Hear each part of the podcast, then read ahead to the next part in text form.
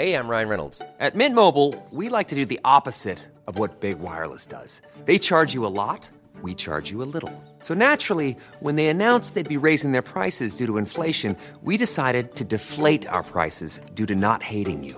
That's right. We're cutting the price of Mint Unlimited from $30 a month to just $15 a month. Give it a try at mintmobile.com slash switch. $45 upfront for three months plus taxes and fees. Promo rate for new customers for limited time. Unlimited more than 40 gigabytes per month. Slows. Full terms at mintmobile.com.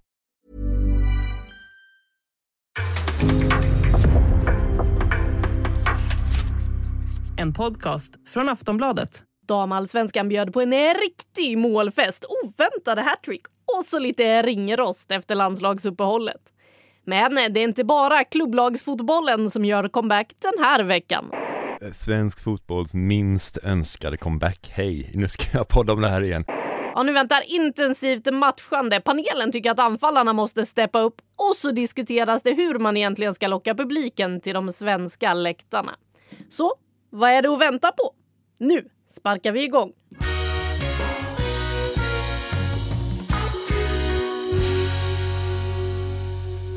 Ja, men varmt välkommen till Fan plus en podd där vi snackar damfotboll. Och med oss direkt från Malmö så har vi via Plays expert Saga Fredriksson som har varit runt och sett matcher i princip hela påskhelgen. Hur är läget med dig Saga? Otroligt bra. Det är som du säger, man har njutit av fotboll hela påsken så det är verkligen dumt att klaga. Ja, vi ska gå in på matcherna såklart, men det är ju så att jag inte är ensam i studion. Vi har en comeback i podden eh, som ser sådär lagom förväntansfull ut just nu.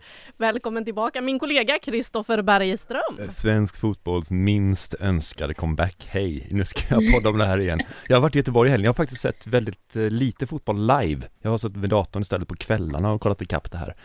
Eh, det jag gjorde i Göteborg var att jag mötte Mats Gren på Magasinsgatan.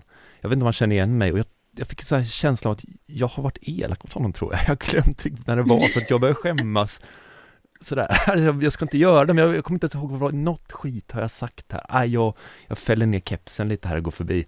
Jag tror inte han såg mig, jag, jag vet inte riktigt. Men så lite live eh, fotbollskoppling eh, har jag haft lite. Resten är bara som en sån här forumrotta på natten sitter uppe där och strömmar. Så, så Saga, du får liksom dominera i den här känslan, beskriva miljöer och sånt. Så kan jag berätta jag ska göra mitt bästa. Härligt, jag kan berätta om Vittsjös backlinje till exempel. Det kan jag prata om. Det klarar jag. Hur bra som helst. Härligt, härligt. Ja, det blir eh, en intressant podd framför oss, eh, det hör jag. Och eh, vi börjar med snabbfrågorna då, där den eh, första är, för det har ju varit eh, en hel del mål den här omgången. Det har hänt en hel del. Vilket är resultat förvånar mest? Om du ska få börja här då, Kristoffer. Ja, men det finns något givet svar, så jag svarar inte utan jag svarar att Djurgården gör två mål på Rosengård. Ja, det är det som förvånar Kristoffer mest. Vad säger du, Saga? Jag tycker först och främst det är så himla fint att du lämnar det mest obvious till mig.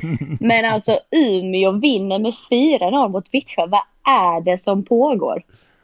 Ja, vad är det som pågår? Eh, har du någon förklaring, Saga?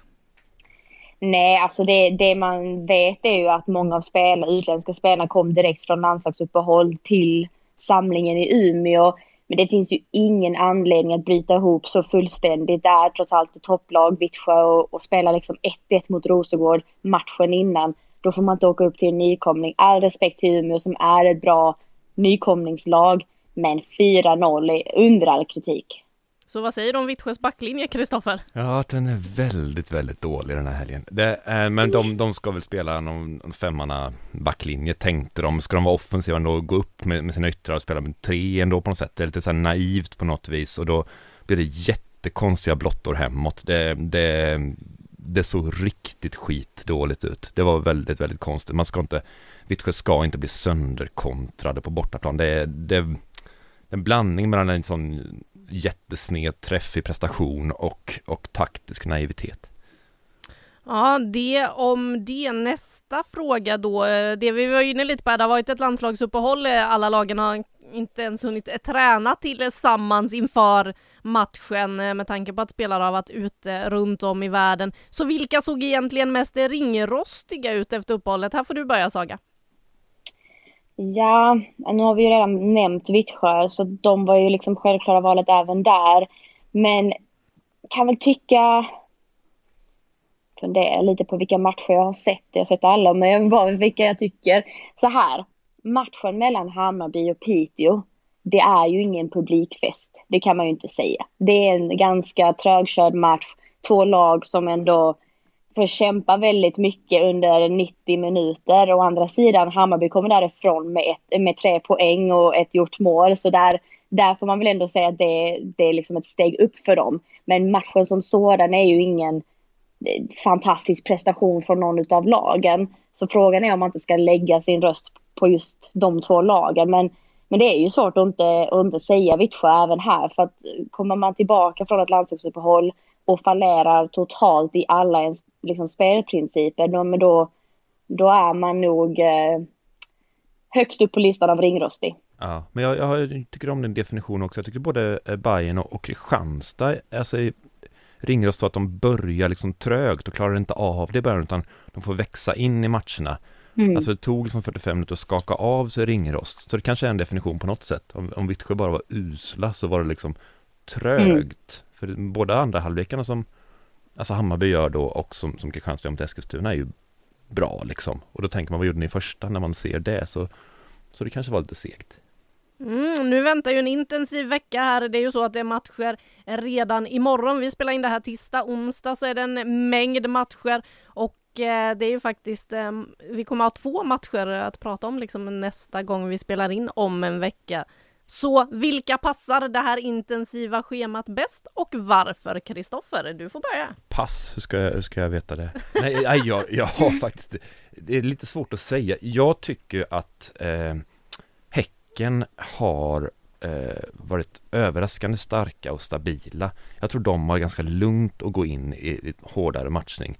Eh, Rosengård, om man kollar i toppen där så är jag inte lika säker på dem. Ehm, vi ska återkomma lite till, till vad, vad de gör. Eh, men det jag tycker jag sett i damallsvenskan de senaste åren är att de som vinner är inte de som är högst toppar eh, utan de som maskinellt kan mala på, hålla nollan, göra två, tre mål sådär.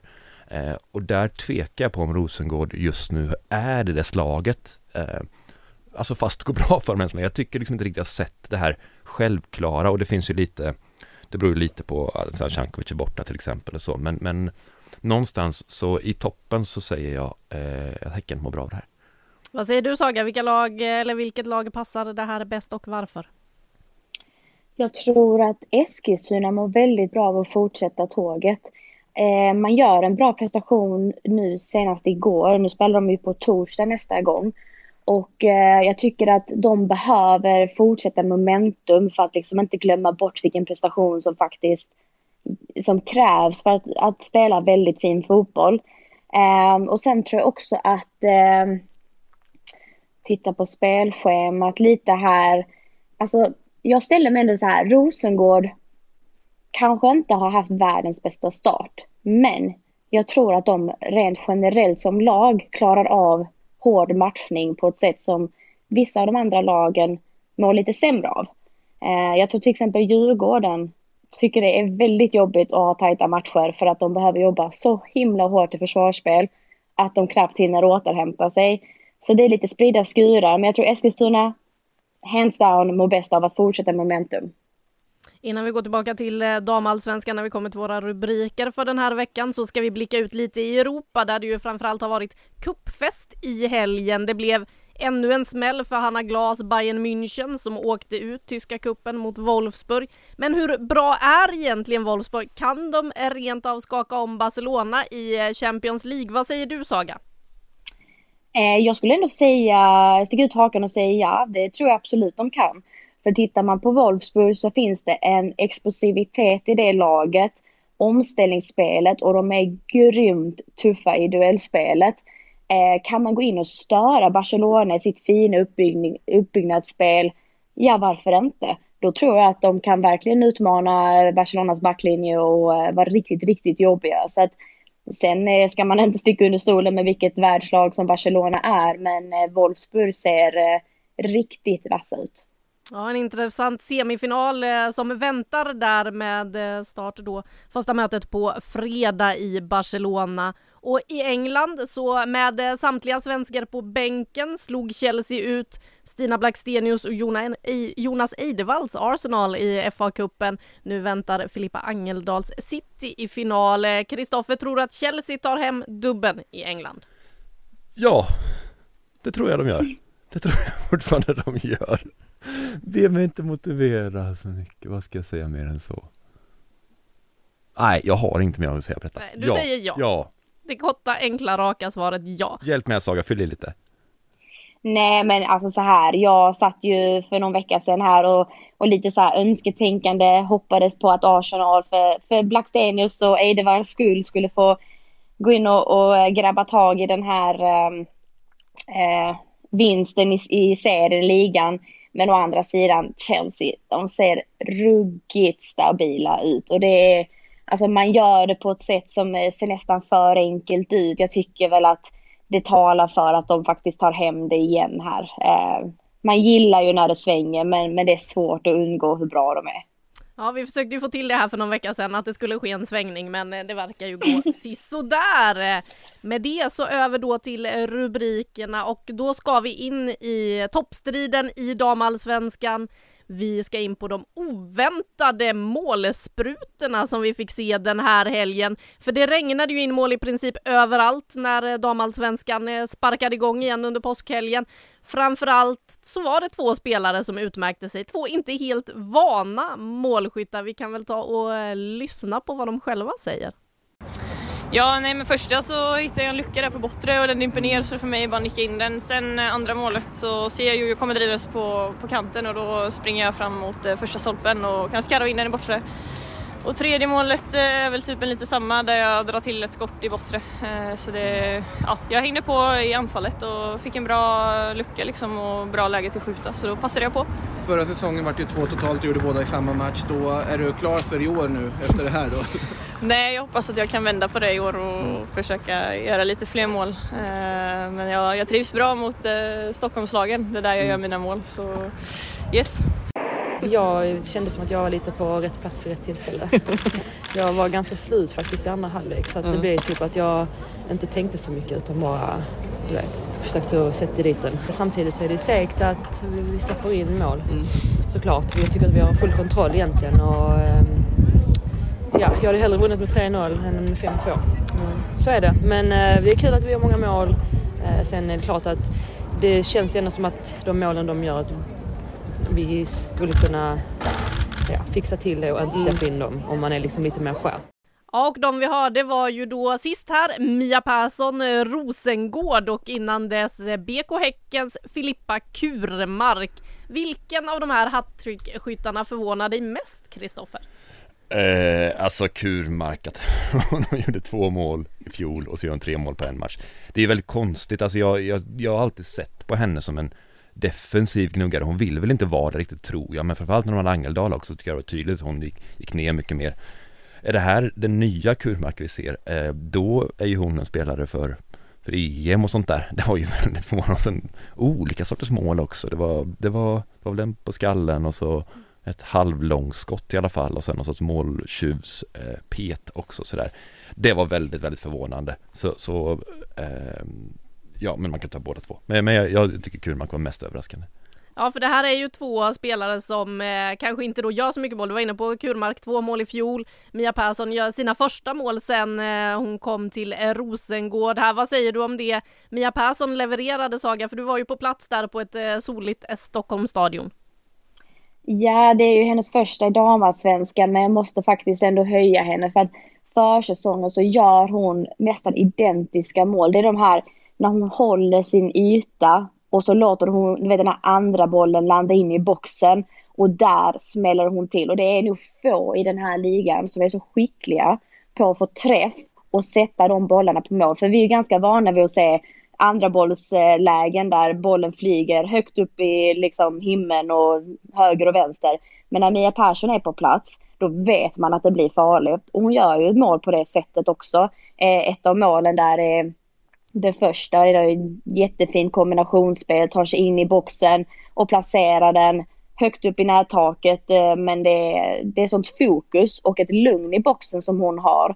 Och det är väl lite det här mognaden. Eh, jag ska inte säga att hon är alltså gammal, men hon är ju en av de äldre spelarna och jag tycker att det här återkomsten till damallsvenskan hon visar att hon, hon har alltid varit en kvalitetsspelare. Men nu visar hon dessutom att hon är en poängspelare.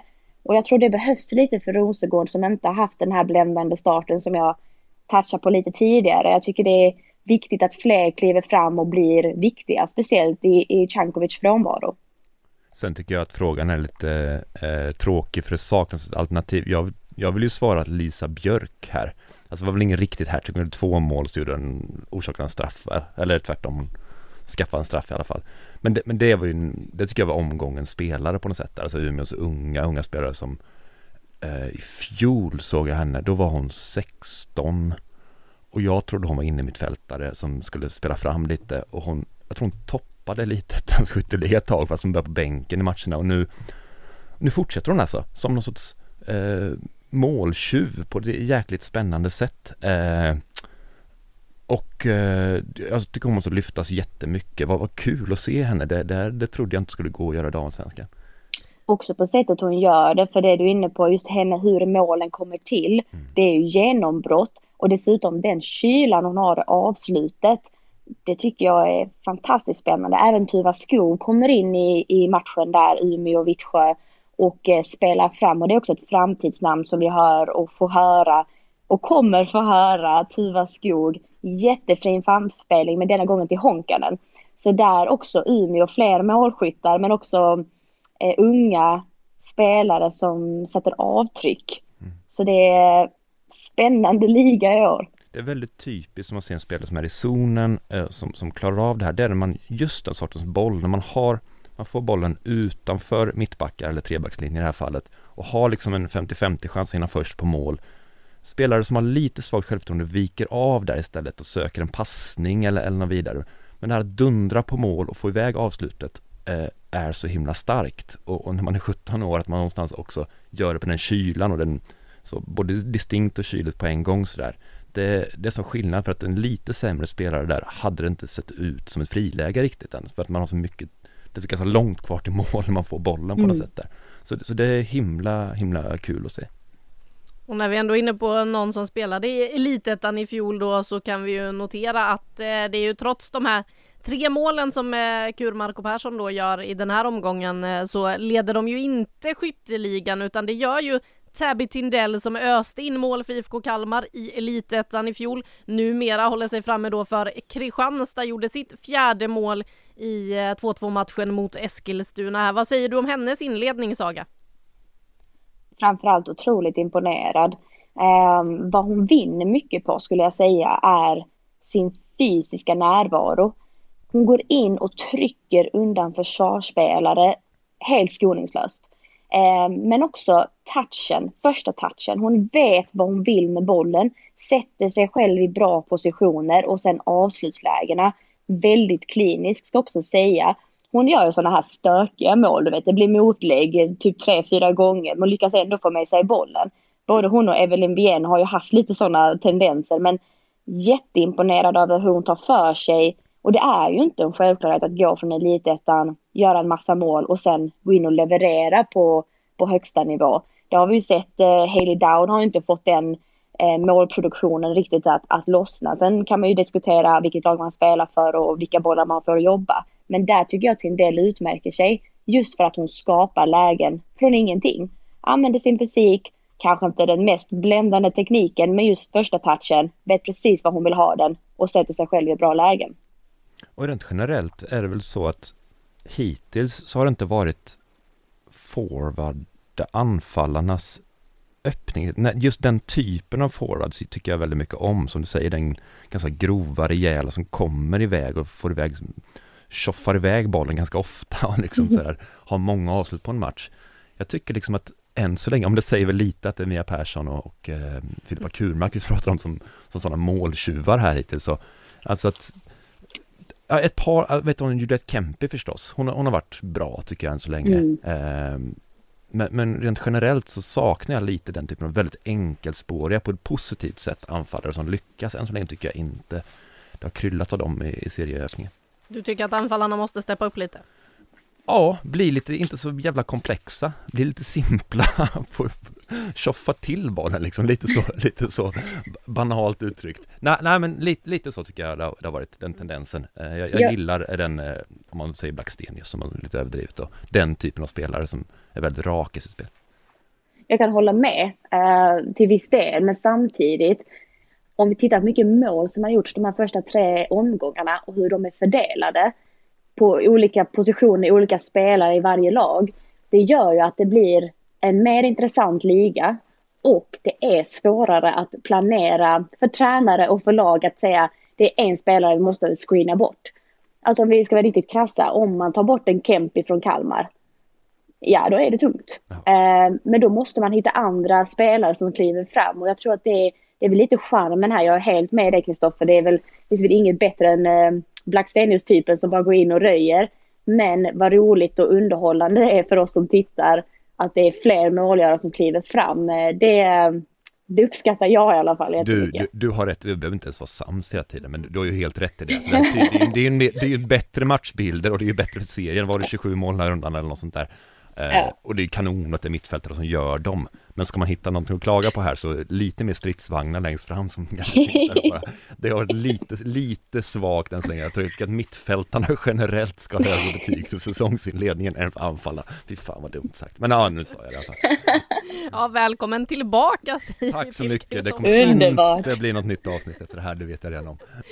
Men hörni, om man eh, lyssnar på Mia Persson här så är hon ju trots sina tre gjorda mål då och Rosengårds fem mål totalt eh, mer irriterad på att de faktiskt släpper in två bollar. Vad tänker du om det Det Kristoffer? ska hon vara också, helt rätt, det är klokt och det var, det var något av det jag ska replicera det jag sa för någon minut sedan bara det, Jag håller precis med om det Rosengård ska inte släppa in två mål borta mot Djurgården, mot, mot ett mycket dåligt Djurgården än så länge Det, det ska man inte göra eh, Och det går att säga att matchen ändå vunnen och sånt, men, men man får kunna sin historia. Varför vann inte Rosengård 2020? Varför vann de 2021?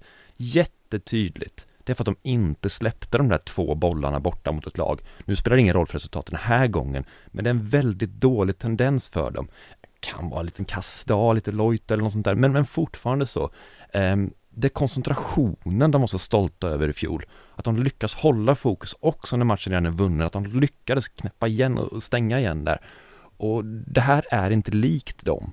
Ehm, så jag, jag tycker man ska vara, jag tycker de borde kosta på sig att vara förbannade också.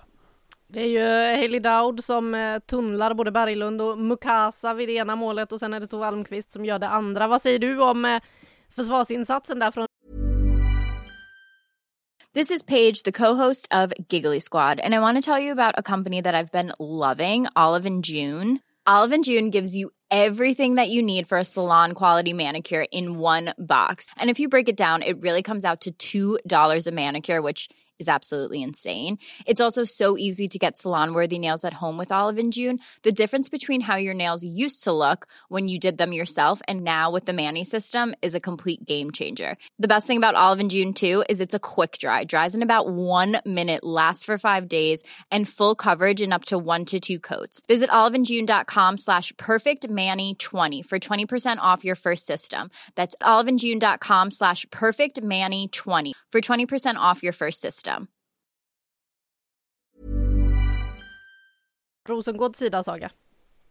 Nej, Vi skulle ju inte hålla med varandra jag och Kristoffer, men jag är ju faktiskt helt enig. För, att, för någonstans är det så här, ett topplag, alltså det här, det här Rosengårdslaget och även BK Häcken och eh, de här riktigt bra lagen, de ska sen gå in i Champions League och möta världslag. Det går inte att bjuda på sådana chanser. Alltså det är returer som släpps från målvakt vi pratar om. Det är genomskärs, alltså bollar som bara får gå igenom backlinjen. Nu hade Emma Berglund lite otur på ett läge där hon trillar och, och, och så den biten. Men jag tycker någonstans att det, det är för svagt och det, då frågar jag lite så här, är det en respektgrej? Har man inte respekt för motståndaren i de här lägena och tänker att ja, ja, vi löser väl det. Eh, Det tycker jag att Djurgården verkligen visar prov på att man har lite arbetsmoral och vågar tro på det och faktiskt investera spelare framåt. Men man kan ju inte släppa in ett Djurgården som vi har varit inne på som har börjat så himla, så himla svagt egentligen.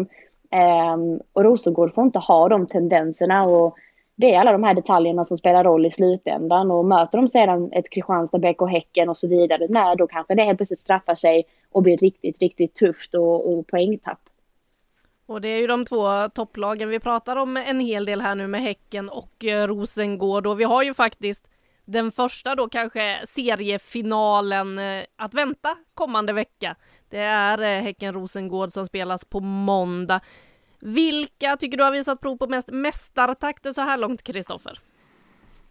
Varför sa jag Häcken? Jag vet inte riktigt. Ja, men det är jättesvårt av de två. det har gått så kort tid och, och, så läser man in så jättemycket av att Rosengård släppte två bollar. Man kan också läsa in mycket i, i Häckens premiär om man vill det så, så att jag Alltså jag, jag, på förhand trodde jag Rosengård, jag tror fortfarande Rosengård kommer vinna rätt klart i år. Jag tror det, jag tycker de ser eh, eh lite mer kompletta ut och lite fler bra spelare helt enkelt att byta in och sådär.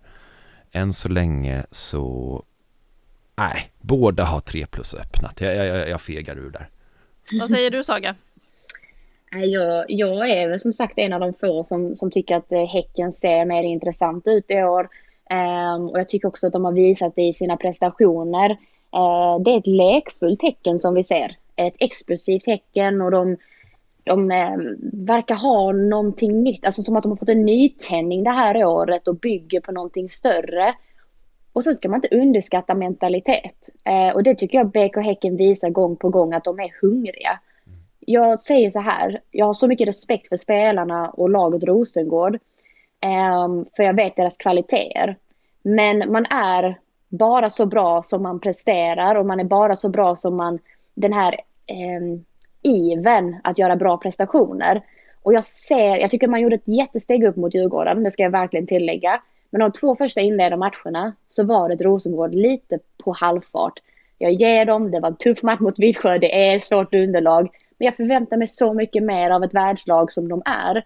Så att om vi pratar mästarkvaliteter ja, då tror jag nog att Häcken ligger lite före så här inledningen.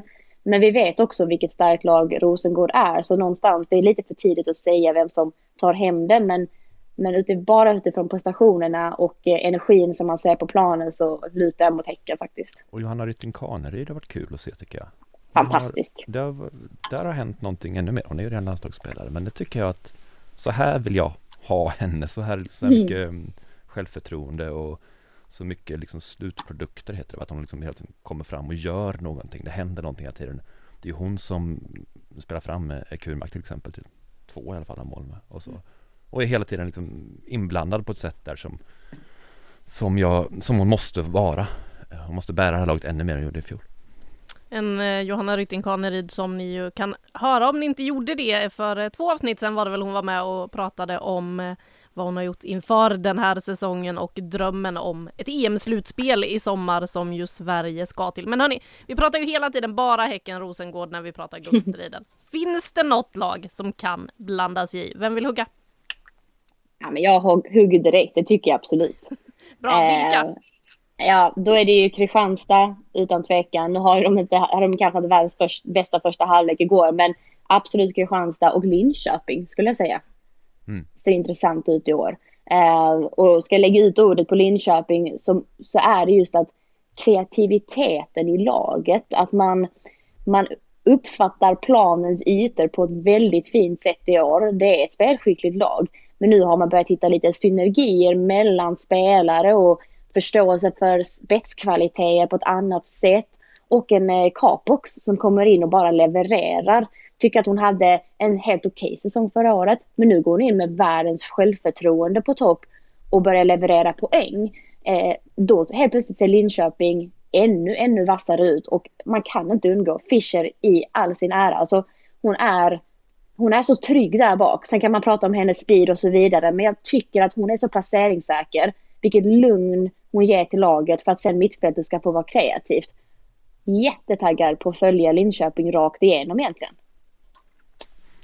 Ja, och så finns ju Eskilstuna som kanske, kanske kan få det att, att liksom klaffa. Man vet inte riktigt. Det är ju, men det, det har sett bra ut liksom. Så här, de, de är ju spännande i alla fall där och, och Sonja och KB är väl omgångens prestation i alla fall får man väl säga mm. där de, de spelar fram till eh, Paulina Nyströms mål där att ja hon har väl tre, fyra försvarare mot sig i alla fall och inte ens nära mål och både tar en tackling offensivt, alltså, alltså står emot en tackling, dribblar bort minst två och, och så serverar hon då eh, inte spelarna som är längst fram utan, utan hittar en liten snett genom bakåtpassning där till, till Nyström som stöter in den.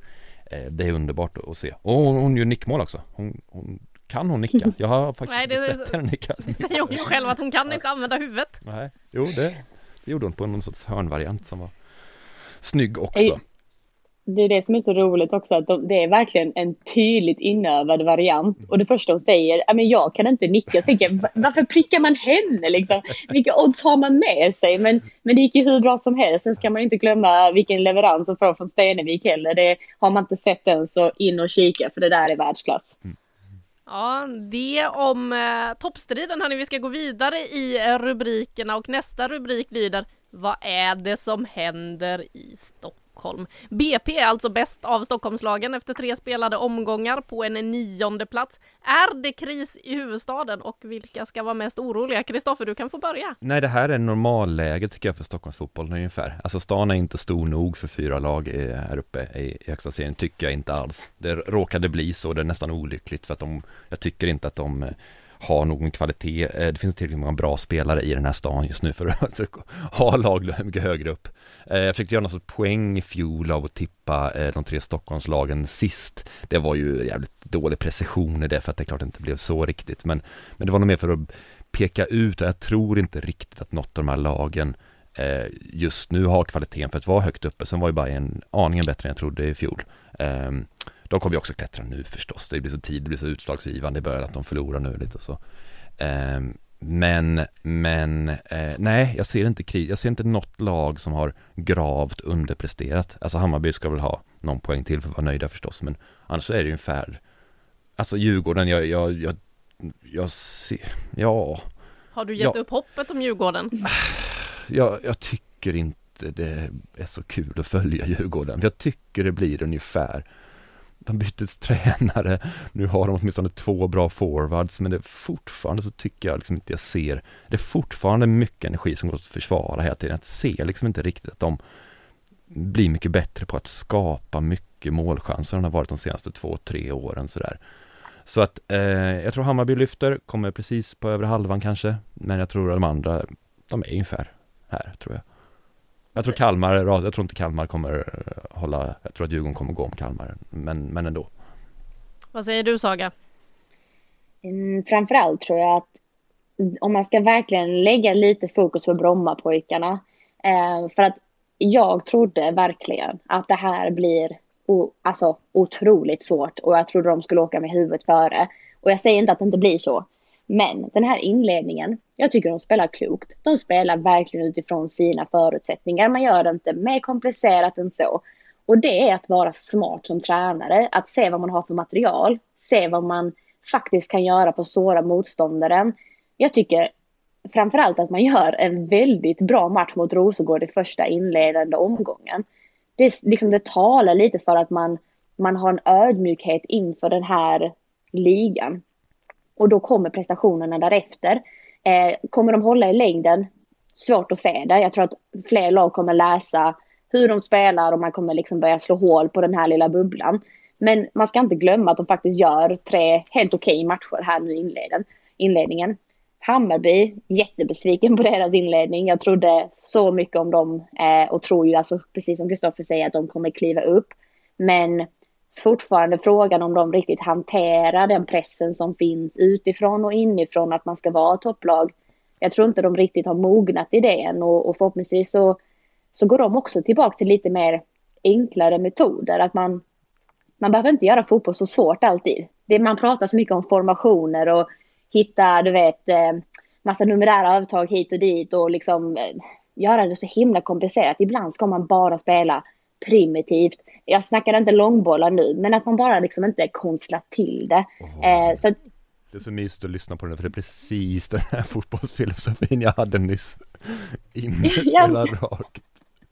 Jag är så ja, men, himla alltså, banal, så fortsätt bara att prata på. Två minuter. Ja, men alltså du vet, det är lite så här, man bara känner så här, varför komplicera saker när, när det bara handlar om fotboll? Och, och när man då börjar liksom, som Djurgården då, som jag verkligen tycker har liksom fallit i fällan på just detta att man har för det första en Tova Almqvist på ytterforwardposition. Alltså har man sett henne spela så hon ska inte där och göra i min mening. Hon är central spelare. Sen ska hon vara central. Jag har förstått det på eh, när jag pratat med både Paulsson och eh, Sean då att, att man använder Tove som en lite så här ytterforward men får gärna komma in i banan för att liksom vara kreativ där. Ja men bara det. Ska hon ta upp två roller? Varför? Gör en 4-4-2 då. Spela väldigt gammaldags bara för att få in lite momentum i laget. Så att, kompensera inte det. Det är min åsikt om Stockholmslagen. Men vad ska Djurgården det måste ju vara svårt om man är Djurgårdssupporter att liksom se utvecklingen de senaste åren och se nu har vi börjat om, nu, nej nu börjar vi om, nej, nu börjar, det, det är så svårt att hitta när, det har sett nu, det finns ju ingenting att bygga på exakt här som känns som att ge dem tre matcher till så sitter det. Vad, vad ska de göra? Det känns, känns nästan som att de skulle må bra av att dyka ner ett år i Elitettan, börja om och bygga någonting tryggt att komma upp med. Jag tycker som varje år känns som de släcker bränder bara. Ja, eh, kan vara väldigt enig med det, men jag tror det här att man som sagt, man gör det för svårt med positioneringen. Det ska hända så mycket på planen hela tiden så de vet inte ens var de har varandra. Eh, Nelly Lilja som jag tycker egentligen är en väldigt klok och lugn, sansad spelare har inlett med så mycket felpass att det blir liksom ingen trygghet på mittfältet. Eh, och jag säger verkligen det, hon är en bra spelare men har inte fått ut det bästa. Och är man hela tiden pressad bakåt och man ska liksom försvara på halva halva på en defensiv planhalva. Nej men då har man ju ingenting framåt. Alltså Daur kan inte springa ner ett, ett helt försvar utan hon behöver kombinera sig in i box. Och då tycker jag till exempel en sån som Linda mot Lalo, få upp henne högre i banan. Alltså hon har ju speeden, hon har kreativiteten. Där måste man börja använda hennes styrka tycker jag. Så att förenkla det bara. Gör det inte så svårt och sen få in eh, mot Lalo i bättre positioner så tror jag att de liksom får det att lossna lite mer.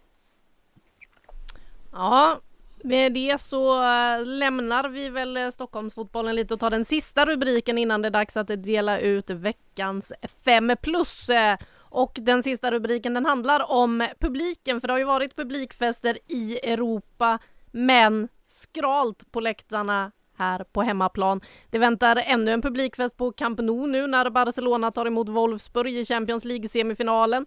Sverige besegrade Irland inför 12 000 åskådare på Gamla Ullevi. Kosovare Asllani var ute och önskade att förbundet skulle öppna upp Friends oftare för publiktillströmningarna. Men om vi tittar då på senaste omgången till exempel i damallsvenskan som är under en lång helg. Det är fint väder ute. Det borde vara finnas förutsättningar för att gå på fotboll, att se den live. Vi hade landslagsstjärnor på besök i Stockholm, både Häcken och Rosengård var på plats och spelade i Stockholm. Men det är ändå bara på kanalplan som man tar sig över tusen pers på läktarna. Medan ni funderar här på vad man kan göra åt det ska vi lyssna på vad Emma Berglund som då mm, var på Stockholms stadion och mötte Djurgården säger om eh, situationen på läktarna. Ja, det är tråkigt för oss också när man väl kommer ut eh, på line-up och känner att ja, man önskar att inte fanns mer. Sen kan man förstå att det är många som har planer i en sån här helg. Just nu för tillfället så känns det som att de absolut klaraste eh, jag vet inte, matcherna på sidan är ju Hammarby och, och Häcken och de, de har ju lyckats på något sätt. Sen är det ju tydligt liksom, de, de har klubben bakom sig som kommer med med en bas. Eh, och det, det är väl det som har varit den största frågan i alla år som vi har spelat. Eh, och hur man skapar den. Och det, vem ska man fråga? Hur ska man skapa det intresset? Det är jättesvårt för det uppenbarligen finns intresset på annat håll men att skapa det från grunden det, det är svårare. Ja, Emma Berglund där alltså. Saga, vad säger du om det här? Varför är det inte mer publik på läktaren och vad ska man göra åt saken? Mm, det är ju den eviga frågan och har hängt efter, jag vet inte hur många decennier helt jag vill säga. Jag tror i ärlighetens namn att man behöver man behöver liksom ta fram fler karaktärer som, alltså som publiken kan haka upp sig på. Och desto fler kamper, desto fler, hur man ska säga, du vet den här derbykänslan som man bara älskar. Eh, när man kan få fler, mer sånt för publiken att gå och haka upp sig på så tror jag det blir mer av ett event. Ehm, än så länge så uppfattar jag det lite som att det är, det är unga spelare och lite mer barn som tycker det är kul att gå på damallsvensk fotboll. Så sitter många hemma och tittar, det vet jag. Men, men jag tror att den här idolskapet och, och hela den biten, där behöver det hända lite. Och, och ofta är det ju lite för att man, eh, alla kan landslagsspelarna och har stor respekt för dem och tittar på, på svenska landslaget när de är i stan. Men det behövs byggas fler karaktärer i ligan och det är ju en, en jättesatsning som måste göras. Dels från omvärlden, media, men också från, från klubbarna själva. Att, att göra det intressant. Att, ja, men, vem är den här spelaren på planen? Varför ska jag följa henne mer än att hon är en fantastisk fotbollsspelare? Så det är ett litet jobb som ska göras. Och det är som du säger, det är jättetrist. Det är en fantastisk påskhelg med fint väder. Varför vill man titta på live-fotboll? Det finns ju inget bättre. Men jag tror att det är bara att folk inte riktigt, ja, vem är det de ska titta på? Det är lite det. Eh, det finns ju massor, det vet vi ju om, men, men att de behöver hjälp på traven. Jo, det är det ena och det andra är precis åt andra hållet, alltså det här att folk drar folk. Man gillar att släntra ner tillsammans med andra och känna att här är folkfesten lite. Och där har de här punktinsatserna väldigt stor betydelse. De symboliska sakerna som, som Hammarby fått till med premiären. Eh, det som Barcelona gör så himla himla bra, det är att de liksom de säger, vad heter det, more than empowerment eh, har de väl som, som just nu, alltså mer än ja, vad ska man säga, det är inte bara, vi stöttar inte bara tjejerna här nu, utan det är mer än så det här på, på något vis där. Eh, och Barcelona har ju använt herrspelare också som liksom säger att vi, vi går dit och det är inte så att killar är lösningen på, på det här, det är inte det jag menar. Men någonstans så är det väldigt bra att bygga ett jippo. Man får positiva rubriker, man får liksom mycket mer känsla, ska vi inte gå och titta till det där som alla går och tittar till? Att få den här lilla snackisen som är liksom bredare än så. Man hade liksom gått på lite, alltså den här man ur huse-grejen att nu, nu, nu, förväntas vi gå lite på något sätt där, den är väldigt positiv att få eh, ihop med då rubriker att det, det, är väldigt bra, jag har snackat lite med klubbar när vi sände, alltså det var två säsonger vi sände eh, och pratade lite om det, kan man bygga en match på ett år så har man mycket vunnet om man hittar någonting och så ett publikrekord, Klubbar har ju inte jättestöddiga publikrekord, det går ju liksom att slå dem på något sätt där. Om man hittar den den här matchen ska vi verkligen trycka dit folk. Då får man en väldigt positiv spin-off efter det. Det blir väldigt, väldigt bra att man liksom vet det, att, att det är så här man gör. För, för innan man går på sin första match så finns det en tröskel. Hur gör man exakt? Hur kul är det? Vad händer där? Kan man ta med barnen och, och allt sånt där liksom? Så att jag tror att det vore väldigt bra för många klubbar att ta sikte på en match som är en månad bort eller två månader bort eller någonting och verkligen bygga, hitta ett mått motto för det. Nu ska vi spöa det här rekordet eller, eller något liknande. Nu ska vi verkligen få till det. Liksom en kampanj som är riktad så, mer än det här breda, kom och stötta oss alltid. För det vill man ju också. Men, men det kan vara en ganska bra sätt att istället eh, ja, slå ett rekord. Eh, vara ute i lokalpressen och säga att jag slår vad om det här eller jag kommer stå och bjuda på en korv till alla som kommer. Eller liksom någonting sådär som man, man, man är verkligen man har väldigt självförtroende för den här matchen. Det, svensk eh, ligafotbolls största stund är väl fortfarande AIKs otroliga match mot BP som drog mer än 25 000 åskådare som betalade 200 spänn var tror jag Den spelades ju aldrig på riktigt. Det var ju bara en ansökan som AIK hade då eh, för att få coronapengar. De fick till det här då. Att de, vilket köptes av en jättesjuk anledning så att de där, där hade de ju den eh, planen fast kanske inte i verkligheten bara för att äska pengar. Eh, jag skulle se det på riktigt också, det vore jättehärligt.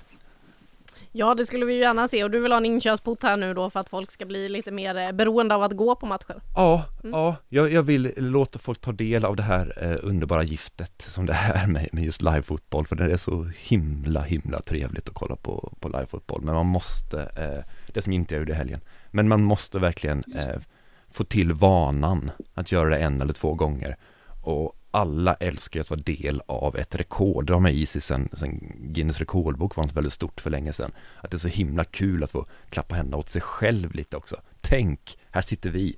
Vi, vi gjorde det. Oj, vad det skulle postas på sociala medier. Ja, ja. Och det är ju det lite som, alltså som Hammarby gjort väldigt bra. Ehm, det kan ju slå tillbaka mot, mot spelarna till slut att de har gått in, men vilket, vilket självförtroende de har gått upp i serien med. Alltså både publikt och liksom sportsliga mål och sånt där. Det är väldigt, väldigt snyggt gjort av dem. Det, det är jag jätteimponerad av.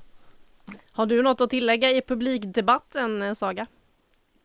Nej, jag håller verkligen med och just det här att, att äh, skapa lite FOMO. Mm. Oj, jag var inte där. Nej, alltså det är den känslan man vill åt och äh, lite mer, äh, jag tycker faktiskt de här tre första omgångarna, bara titta på matcherna i sig, visar hur värdig den är att se live. För det, det smäller, det går undan och det, alltså det är så mycket mål. Så varför skulle man inte vilja se det? Så det är väl där också att verkligen höja värdet på matcherna, att folk förstår att gud, I don't want to miss out. Och det någon vi kan lyssna på där så är det väl dig som har sett sådär hundra matcher bara den här helgen just live. Men eh, hörni, vi närmar oss slutet av eh, dagens podd. Det som är kvar är att dela ut 5 plus och Kristoffer, du får äran att göra det här idag i din comeback. Ja, tack så mycket, tack så mycket. Ah, det blir Sonja och Kobe som får 5 plus av mig helt enkelt. Eh, inte för nickmålet, utan jag tycker förarbetet fortfarande till, till det första målet är eh, omgångens delikatess, för det är hon gör liksom fyra saker där på något vis där på en gång. Hon är både ett fysmonster, hon är tekniskt lurig och hon är rivig och hon är kall när hon hittar framspelningen. Så att hon gör, hon gör fyra spelares insats där. Hon gör ett helt förarbete själv. Eh, det är fem plus för mig. Ja, fem plus alltså till OKB och nu väntar en hel radda matcher. Vad ser du fram emot mest, Saga? Ja, jag får nästan säga min nästa match för eh, det är alltid roligt att jobba så att eh, Rosengård tar emot AIK på onsdag. Sen åker jag faktiskt till Eskilstuna och besöker dem eh, uppe mot BP. Så de två ser jag fram emot nu i inledningen av omgång fyra. Ja, det blir en intressant eh, vecka som väntar med en himla massa fotboll. Det är alltså damallsvenskan. Vi har Champions League semifinaler och mycket mycket annat som väntar. Det kommer också att komma ett eh, specialavsnitt av eh, Fan Plus för er som har lyssnat eh, nu har kanske lagt märke till att vi inte haft med någon intervju i dagens avsnitt. Det kommer istället som ett specialavsnitt. Med vem? Ja, det får ni hålla utkik efter. Med det så tackar jag dig Saga för att du har varit med från Malmö, Kristoffer för din comeback och givetvis dig som har lyssnat. Vi hörs igen nästa vecka.